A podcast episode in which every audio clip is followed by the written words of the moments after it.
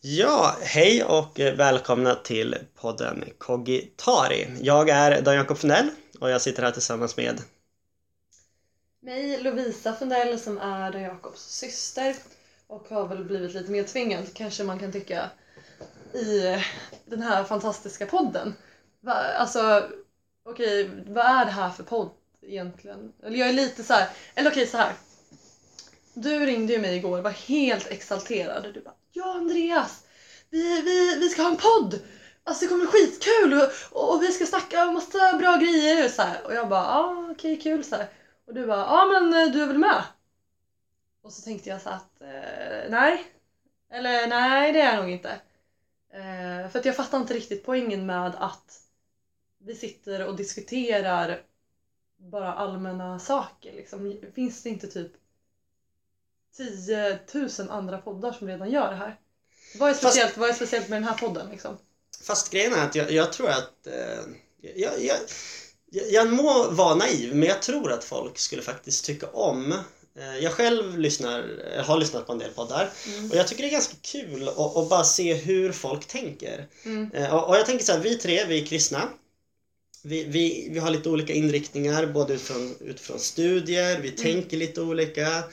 Eh, och, och, dessutom, alltså i den här podden tänker jag i alla fall att vi kommer behandla väldigt olika ämnen. Mm. Alltså allt ifrån, vi har pratat om ha eh, något ämne om intelligent design eh, och eh, utifrån teologi eh, hur vi kan applicera teologi på intelligent design i framtiden och sådana här saker till ja, men teologiska saker till ja, men vad som helst, mode, whatever.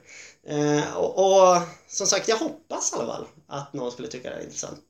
Men jag är inte den här uh, bara så här, att jag uppfyller könskvoten av kvinnor i podden. Förstår du? Alltså du Andreas, ni två män och sen så jag kvinna. Nu kan man ju definiera man, kvinna, kön, icke-kön, så här, hur man vill. Det kanske vi kan diskutera i framtiden. Säkert. Var kristna står i det och så vidare. Det skulle vara intressant. Men jag är inte här bara för att uppfylla någon uh, könskvot av kvinnligt uh, sällskap. Nej, nej, nej, nej. Utan, jag, jag tänker så här att det, det är schysst, vi är tre stycken, eh, vi har lite olika infallsvinklar. Mm. Eh, och, och, Vad tror du att jag kan komma med för infallsvinkel? Det skulle vara intressant. Den kvinnliga.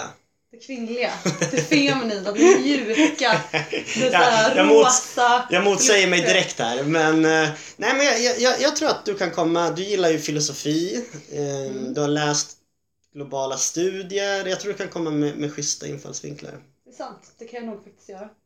Mm. Men, men hur har du haft det då? Eh, I dagarna, veckan? Ja, har det varit bra? Um, ja, alltså jag har ju jobbat ganska mycket de senaste veckorna. Jag jobbar ju med, med ensamkommande flyktingtjejer. All right. Så jag eh, jobbar väldigt, väldigt mycket.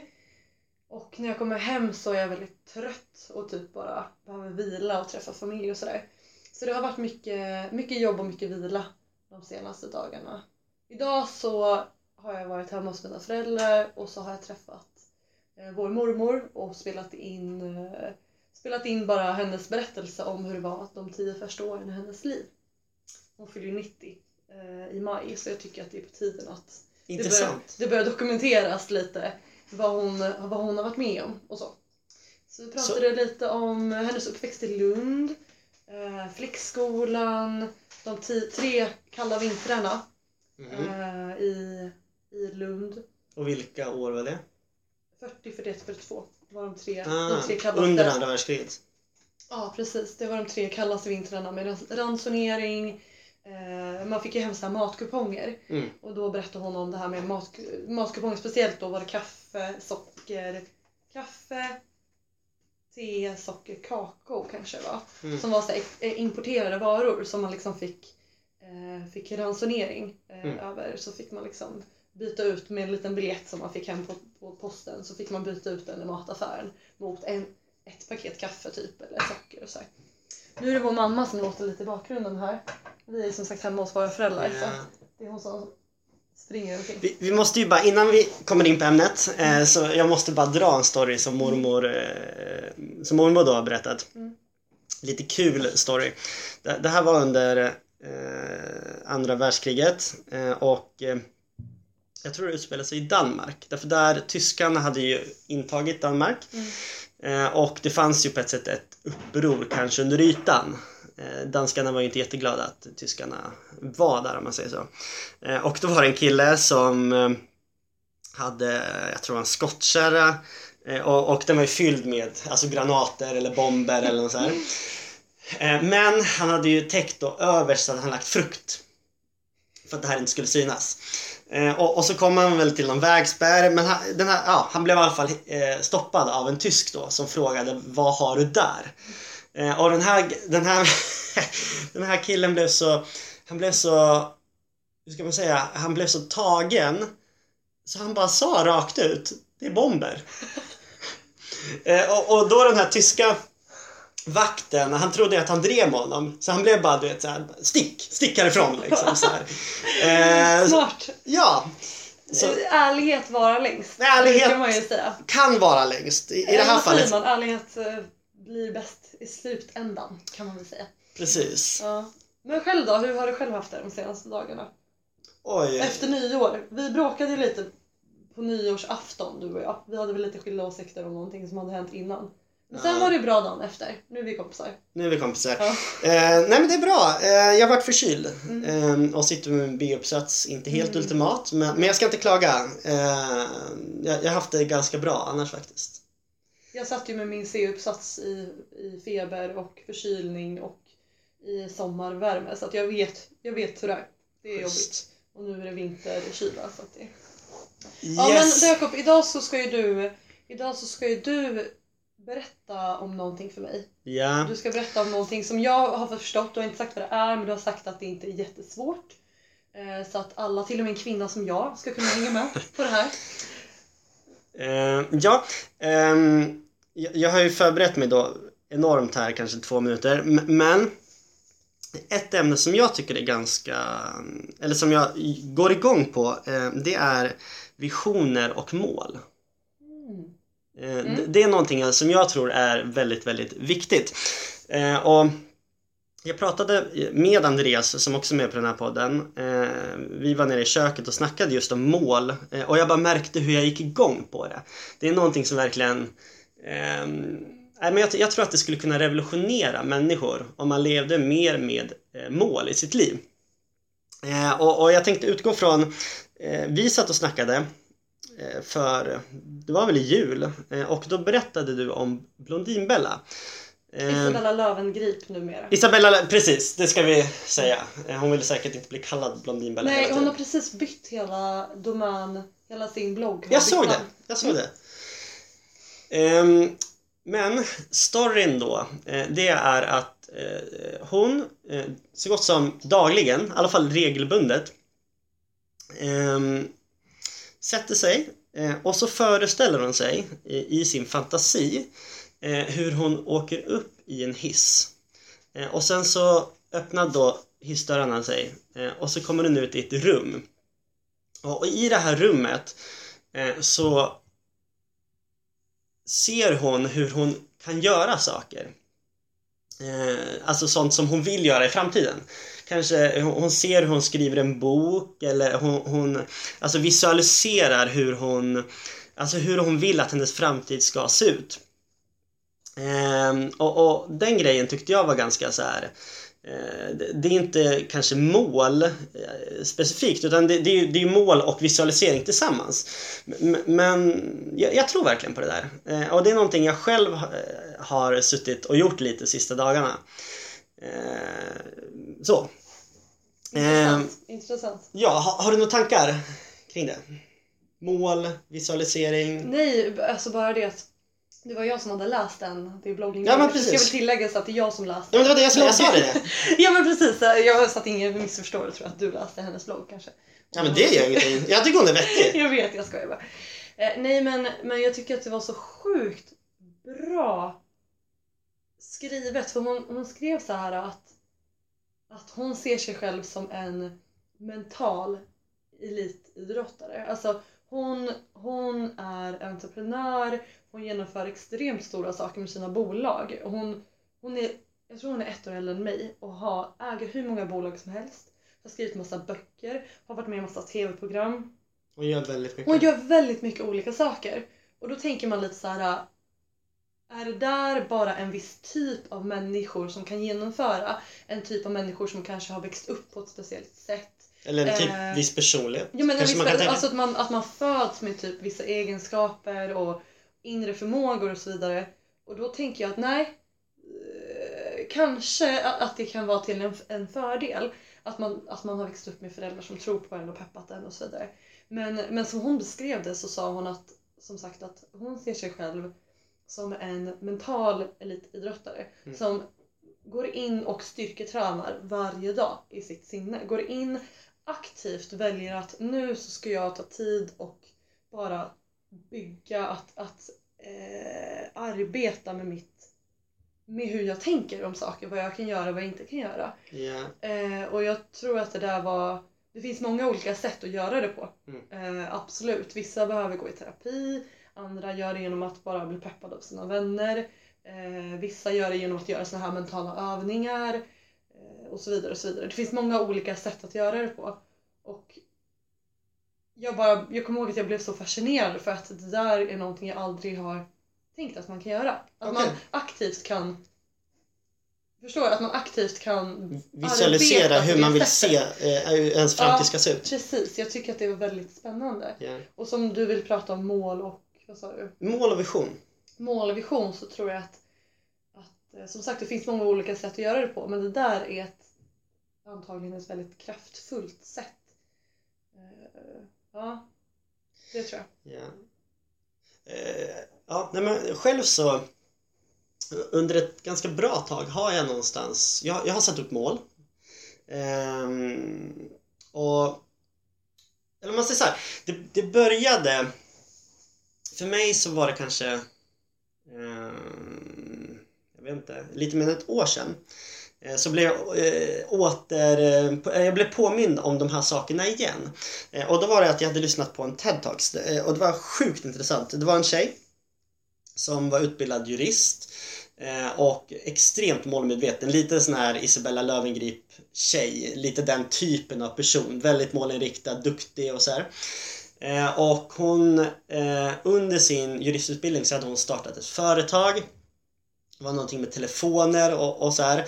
Eh, och, och allting gick bra för henne. Det växte, och, men plötsligt så bara kom hon, det var efter kanske något år så, så bara var det som saker började dala.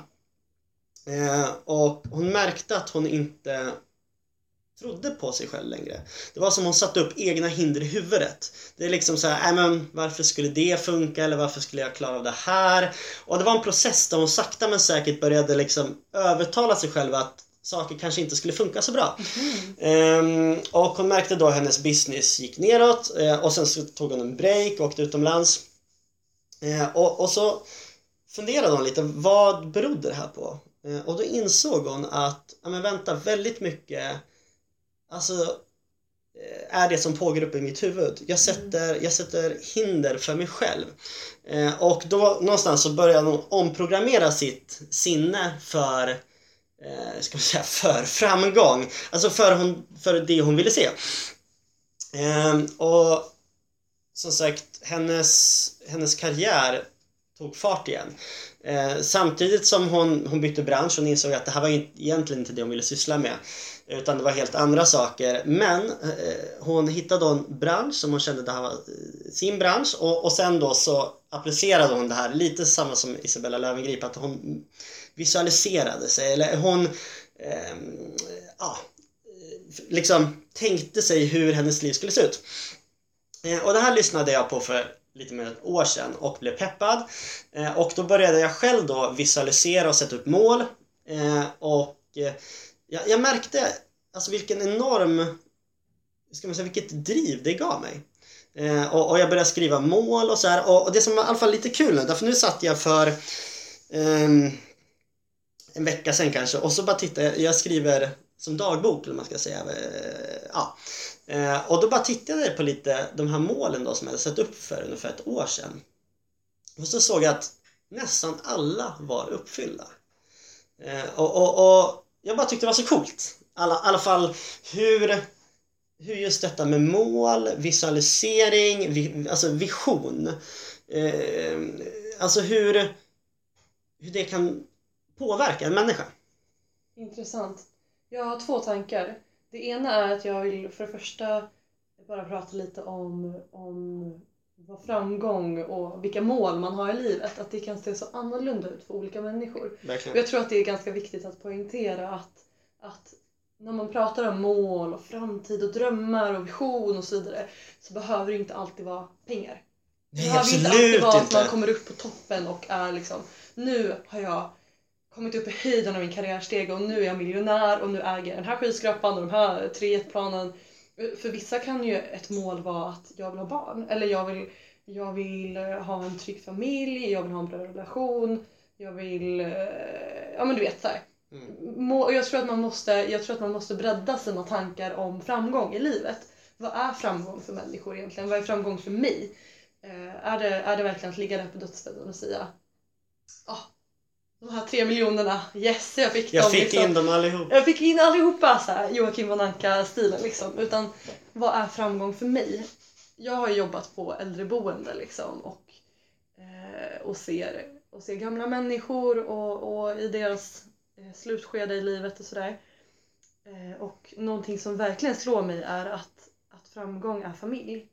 För mig är familjen jätte, jätte, jätteviktig. Alltså, Eh, de, de, de, den släkt jag har runt omkring mig, några, det är mina viktigaste relationer. Liksom. Och det är någonting jag verkligen vill värna om. Ehm, sen kanske jag inte är jätteduktig på att göra det, för som, som sagt vi bråkade ju för någon vecka sedan. Men jag menar att för mig är det framgång.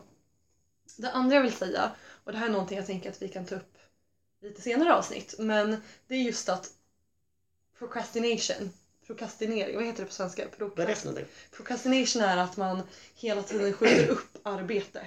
Alltså du vet såhär, du tänker, på söndag kväll så tänker du att på måndag, imorgon, på måndag morgon, då ska jag börja träna, då ska jag börja äta nyttigt, då ska jag ta tag i den här listan, min att göra-lista. Eh, prokrastinering är ju, jag, jag tror att det heter så på svenska, det är ett väldigt vanligt problem. Och till och med Aristoteles, om vi ska gå tillbaka dit, till de gamla grekiska filosoferna, pratar också om det här med att eh, det goda livet, vad är det goda livet och hur kan jag uppnå det goda livet? Och han menar på att det är väldigt typiskt för människor att, att det, jag vill, det jag vill Mm. åstadkomma, den etik och moral som jag vill leva ut efter, liksom, Mm. det är väldigt svårt att leva upp till det. Och det säger ju eh, även Paulus att det jag vill göra, det jag vill göra, eller vad säger han? Det jag vill göra, det gör, Det gör jag inte. Men det jag inte vill göra, det, Det gör jag, precis så. och jag tänker att det här är också en sån sak som man måste prata om eh, när det gäller mål och visioner. Det är intressant att du tar upp det här för det är ändå, det är ändå nyår. Vi är ganska många nu som har satt upp nyårslöften här. Do- Dock måste vi säga att när det här poddavsnittet kommer ut så är det väl kanske inte nyår utan Ja men alltså det är i alla fall början av januari. Och jag tänker att kan inte vi försöka, nu har vi pratat om det här med mental, lite mental träning.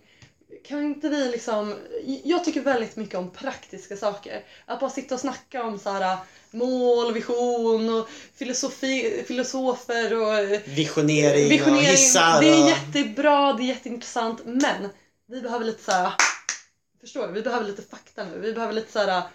Punkt 1, 2, 3. Hur gör vi för att, för att undvika prokrastinering och för att kunna sätta så här bra mål och att kunna uppfylla dem?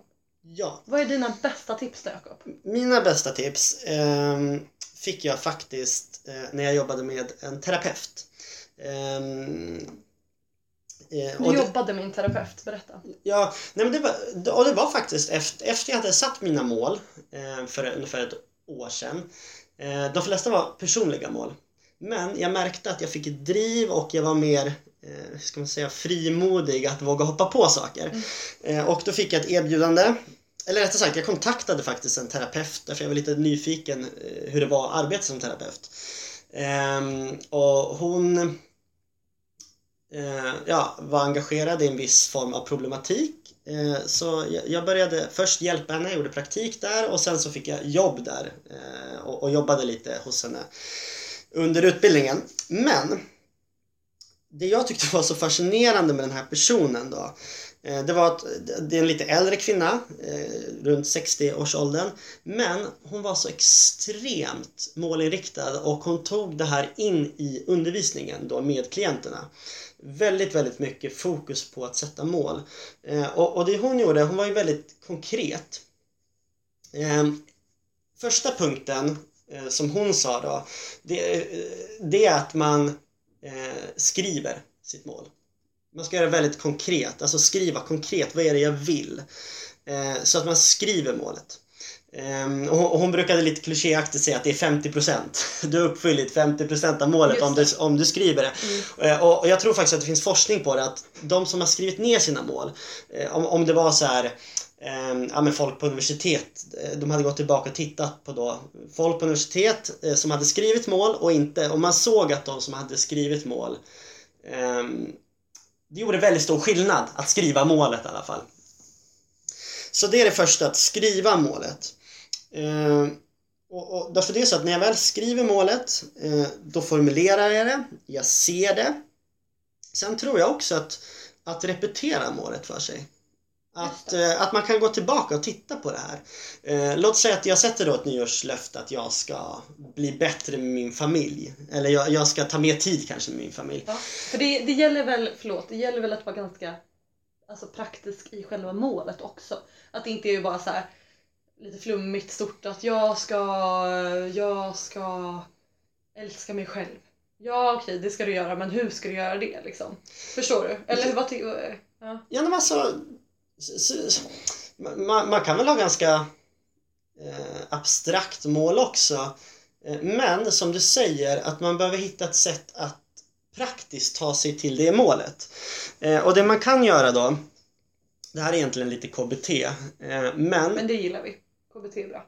Ja, absolut. Mm. Kognitiv beteendeterapi. Kognitiv beteendeterapi, vilket då den här terapeuten använder sig av mycket så det är det jag mm. kommer återge här. Men, men det är att du som sagt har ett tydligt mål och sen så kan du sätta upp um, hur ska man förklara här? Att du kan sätta upp som en, en nu får du nästan hjälpa mig men, men um, Delmål? Ja, precis! Att du någonstans eh, skriver också så att var är jag idag? Låt oss säga att du... En, en analys, en, ny, en nyhets... En nu, nyhetsanalys. Här är jag... Nyhet, nyhetsanalys. så heter det nog inte. Ah, ja. Hur som haver, men att du någonstans sätter så här att här är jag nu. Mm. Eh, jag eh, umgås inte så mycket med min familj. Och sen så sätter du upp ett delmål. Du, sätter, du, alltså du går inte ända fram till det här målet alltså, utan att du börjar med ett delmål. Att ah, men, jag ska träffa min familj en gång den här veckan. Eh, och sen så försöker jag göra det. Och sen då nästa vecka sätter du så här att ah, men den här veckan ska jag ringa min farmor. Eh, så att du sätter sådana saker. Därför då kan du också så här, då kan du ju se, låt säga efter ett halvår, då kan du mäta eh, om 100% det, då är du framme vid ett mål. Då kan du mäta så att, ja men i juni någonstans, hur långt jag har kommit på det här. Hur många procent har jag tagit mig? Och då kan du se att, ja men på det här målet så kanske jag har tagit mig 50% och det som är givande med det, det är att du vet att okej, okay, då måste jag fortsätta men samtidigt som du ser bakåt att oj, jag har faktiskt tagit mig framåt. Det här kan man ju säga det här låter kanske lite väl så hårt om man är lite romantiskt lagd. Nu är vi väldigt praktiska båda två och väldigt så här, ah, saker ska göras och sådär. Men eh, om, om man säger att man är lite så mer romantisk och så, så låter det väldigt väldigt hårt på något sätt med så här, nu är jag framme 50% med att träffa min familj. Alltså det låter ju lite. Men själva, själva tanken, om man förstår själva grundtanken bakom det, så är det ju ändå ganska vettigt. För att man kan ju ändå uppmäta, vad är det jag har åstadkommit av mitt Alltså förstår du? Mm. Det, är lite, det är kanske lite den världen vi lever i, att vi vill gärna mäta resultat och så vidare. Eh, som gör att man tänker så. Eh, men har man, har man nyårsmål, har man löft, eller liksom nyårslöften så tror jag att det här är, det här är jätteviktigt faktiskt. Ja. För, att kunna, för att kunna uppfylla det. Då ja. hjälper det inte att man tänker jo men jag ska göra det, jag ska göra det. Utan man behöver faktiskt vara lite duktig, skriva ner målen och sen så mäta genom delmål. Ja. Det tycker jag är bra. För ett, oh förlåt, skulle du säga någonting? Ja, eller jag bara tänkte säga det. Och sen en ytterligare sak som, som jag tror eh, kan hjälpa.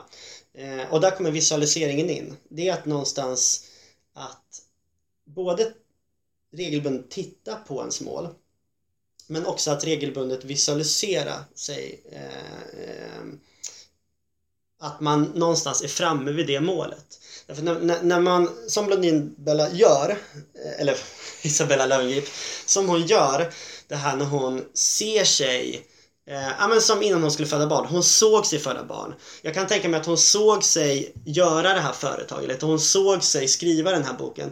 Så är det så att det, det får ju dig också att behålla fokuset. Så någonstans att, eh, bara för att sam sammanfatta det, så, så någonstans att skriva eh, upp målet, eh, att sätta eh, mindre mål, delmål, konkreta mål och sen också att behålla fokuset. Eh, genom då visualisering eller titta på det man har skrivit men på någonting som man håller fokuset. De tre tror jag är väldigt, väldigt eh, Ja men jag tror att de hjälper. Intressant. Jag skulle bara säga att för ett år sedan så mellanlandade jag i Hongkong jag eh, var på väg för att besöka släktingar till oss. Vi har, eh, vår farbror och hans fru och deras barn bor i Vietnam eh, Eh, på Phu Quoc och driver en restaurang. Och ehm, då så där på, skulle jag åka dit och hälsa på dem. Eh, och jag åkte första januari, flög jag från Stockholm. Hade ju knappt sovit någonting den natten. Jag skulle flyga i 27 timmar, 28 timmar och mellanlandade i Hongkong. Och så insåg jag att man behöver inte visum för att kunna få åka in till Hongkong. Och det har ju varit en jättestor dröm för mig att få besöka Kina. Ända sedan, ända sedan tvåan i gymnasiet så har jag alltid velat åka till Kina. Och nu kan man ju tvista om huruvida Hongkong tillhör Kina eller inte. Eller vad som är Kina, därför ja. de menar väl att de är eh, nu är jag kanske ute och cyklar men är det inte Hongkong som menar att de är egentligen Kina? Oj, det visste jag inte. Jag, vet, jag har ju vänner från Hongkong och de menar ju på att de liksom inte de, de tillhör inte Kina egentligen. Och så har jag kinesiska vänner som menar att Hongkong absolut tillhör Kina. Men i alla fall, jag Vi kommer tagit... säkert få pi för det här. Mm, eller folk kommer, folk kommer äh, fia oss på det här. Men jag, jag tror det kan I alla fall. Ja, alla fall. Jag, eh, tog, eh, jag tog snabbtåget in från flygplatsen till city, som ligger jättenära. Eh, och så åkte jag över, över till andra sidan piren. Om man kommer in till centrum så kan man åka över, liksom, för det, allt det här är sjöområden. Liksom. Mm. Eller ha, havsområden åkte över till andra sidan för att där har man jättebra vy över, över the skyline. Vad heter det på svenska? Alltså över eh, alla skyskrapor. Man såg det liksom från, från håll.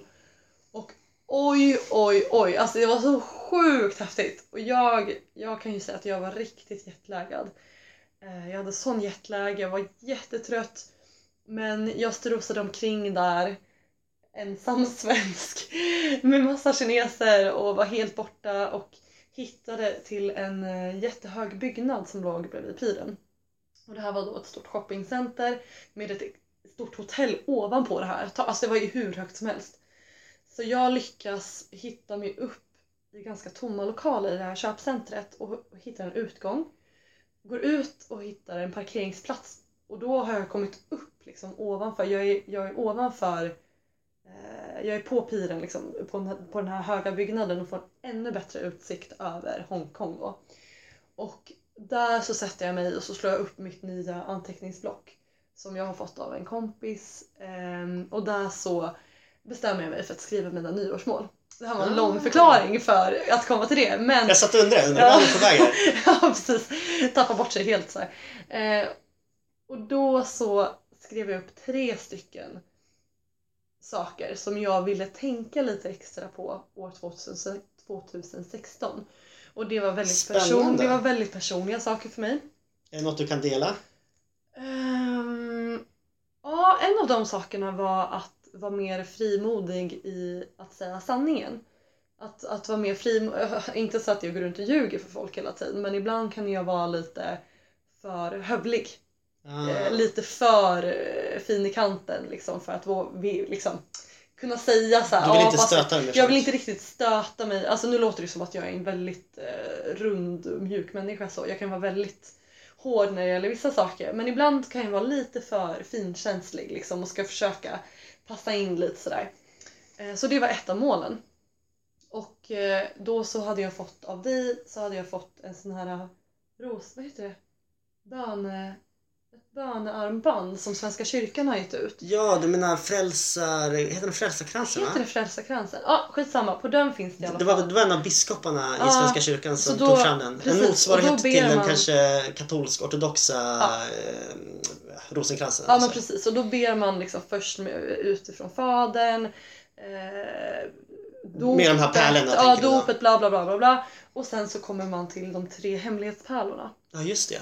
Och på- dem, och jag har ju använt det här armbandet nästan hela året. Alltså occasionally. Liksom. Väldigt vackert för övrigt. Det är fint. Det är fint. Eh, och jag, jag har använt det. Och då så när jag, ja, för jag ber ju varje gång jag har på mig det så ber jag flera gånger liksom för att det är en jättebra påminnelse. Bra vana. Ehm, och, och då så hela tiden blir jag påmind om mina tre, om mina tre Mål. hemligheter, mål, visioner. Ehm, och eh, jag kan väl i efterhand så här säga att den här påminnelsen har gjort att jag hela tiden arbetar, jag vi- visualiserar mig framåt mot det här målet. Ehm, Så det var en lång historia om hur man på ett enkelt sätt kanske kan påminna sig själv om, Mm. om sina mål i vardagen. Att man kanske har en, en ring eller ett armband eller ett halsband eller någonting som man liksom kan fingra lite på Något fysiskt. fysiskt. Och där tycker jag, måste jag säga, att katolikerna och de ortodoxa verkligen har fördelar med sina Ave Maria armband och vad det nu är för någonting. Frälst, vad är det? Rosenkrantz. Rosenkrantz heter. Alltså jag måste bara säga att det där är ju verkligen en sjukt smart grej. Eh, och nu kanske man inte vill ha det men, men man kanske vill ha ett armband eller någonting som själv påminner en om, om sina mål. Och Vi kan väl för övrigt rekommendera Frälsarkransen. det tycker jag att vi kan göra. Eh, är därför den, jag, jag har själv använt mig av den också och, och, och haft enorm hjälp av den i mitt eh, ja, med böneliv och även det här med, med de där hemlighetspärlorna Mm. med, med mål. Ja. Jag, jag hade också tre, tre mål som jag någonstans, ja men det hjälpte mig att fokusera på, på de målen och be för de målen Mm. och så här. Ja, det är väldigt Så, effektivt. Du, nu har vi pratat på här ganska länge men, eh, men det här är ju väl värt att ta, ta med nu inför det nya året. Det är ju ändå början av det nya året. ja men Och verkligen. visionera och sätta mål. Sätta jag ska mål. sätta Mera mig- mål. Mera mål. Jag ska sätta mig. Jag har inte skrivit några nyårslöften än faktiskt. Jo, det har jag visst. Jag ska inte äta nu säger jag det här in public, nu vet alla det här. Det är jättebra därför Ja, du lite jag press här. ska, jag ska, jag har, jag och en vän ska åka till Israel efter påsk och eh, jag ska inte äta godis, eller jag ska inte äta socker eh, på hela den tiden fram till Israel. Jag får, jag får fyra tillfällen på mig. Mm. Det tycker jag är okej, det är fyra månader. Mm. Så jag får fyra tillfällen då jag får utvalt. Jag kan ju säga att jag har ju köpt Ben Jerrys som står hemma i min frys. Så jag måste ju liksom kunna få lite. Så Ja, fyra tillfällen, annars inget socker. ja. Bam! Vad har du för något? Ja, nej, själv så skrev jag mina, eh, hur ska man säga, saker, eller saker jag vill fokusera på extra det här året för vecka sen kanske eller två. Eh, så jag, jag har ett antal saker som jag någonstans, eh, jag satt på badhuset eh, i Centralbadet, satt Ja, i, i, en sån här, vad heter det, badstol utöver en bassäng. Och så satt jag och blunda. Folk måste undra vad man höll på med. men, men, ja, men jag, jag bara satt där och visualiserade och, och jag har en speciell plats. Det är vår före detta sommarstuga nere vid sjön där. Ja, alltså. Där brukar jag tänka att jag sitter och så Du, det där är sitter min jag... plats. Du kan inte komma och invadera mitt område. Det är min visualiseringsplats. Alright. Ja, Någon av oss kanske får byta. Äh, hur som helst. Jag sitter där, eh, jag kanske satt en timme och bara satt och såg de här målen och jag såg Wow. hur jag ja, uppfyllde de här målen, gjorde de här sakerna. Och det var så tillfredsställande. Därför Mm. Jag gillar det, när man någonstans kan se någonting framför sig, då blir det också lättare att sträcka sig mot det. Eh, För mig är det så att när jag inte känslomässigt eller kan, eh, liksom, kan uppleva det eller, eller eh, med ögonen kan se det, då blir det också ganska svårt att, att, att dra eller sträcka sig mot det hållet. Mm. Men, så för mig hjälper det också verkligen det här med visualisering. men, men, men dra ett nyårsmål innan vi av, avrundar. Oj! Kan du dra ett? Alltså jag, jag har en hel del. Um, nej men ett mål, det är att fortsätta med min tyska. Just det. Det var någonting jag började med för nästan fem år sedan nu. Mm. eh, Att eh, hålla på med tyska. Så det är någonting jag sakta men säkert eh, försöker bli lite, lite, lite bättre på. Mm. M- målet med tyskan är att kunna ja, men bli, hur ska man säga, få en så pass bra grund så att skulle jag någon gång, låt säga att jag skulle ta en termin i Tyskland, att jag då under den terminen skulle kunna bli riktigt duktig utifrån att jag redan har en grund med ord och, och lite grammatik och så här eh, som jag sen kan stå bra. på. Så. Så, så bra. Ja, nej men eh, det här får väl ehm, här får väl vi avsluta. Ehm, Mm, det låter bra. som sagt, eh, vi, det var lite roligt. Vi hade en kompis som skrev på Facebook i vårt tidigare avsnitt eh, som handlade om Nietzsche. Han tyckte... För det första, eller liksom vem är det egentligen? Kan inte vi ta det i någon annan episod? Jag har ingen aning om vem han, den snubben var. Och så bara, Har du lyssnat på podden? alltså halvt. Ni snackade ju om det. Ja men alltså snälla, om ni ska snacka om någon snubbe får ni inte förklara vem det är. Ja, Ja, till nästa gång. absolut. Eller vi, om jag är med nu. Om du är med nu. Du är med. Men vi måste i alla fall säga att eh, vi, vi, vi, vi har fått positiva feedback eh, av den här personen. Han verkar tycka det är, är schysst och bra så här. Men han klagade på Faktiskt inte på ljudkvaliteten eh, från den här mobilen då, där vi spelade upp, utan snarare på att vi höll på med att käka och så här. Det, det var visst någonting det. som, det, det låter visst. Så vi har försökt vara lite tystare i det här avsnittet. Hopp, förhoppningsvis har det fungerat lite Men bättre. vi måste ju köra shoutouts. Ja, Shoutouts. vi har inga shoutouts Jo men Oscar får väl vara en shoutout. Tack för responsen Oscar. Ja men det måste vi säga. Fett stort tack. Eh, ja, Ja. så eh, vi sätter punkt med, med den shoutouten då. Ja. Alright, Ja, då hörs vi sen. det gör vi. Ciao! Tja.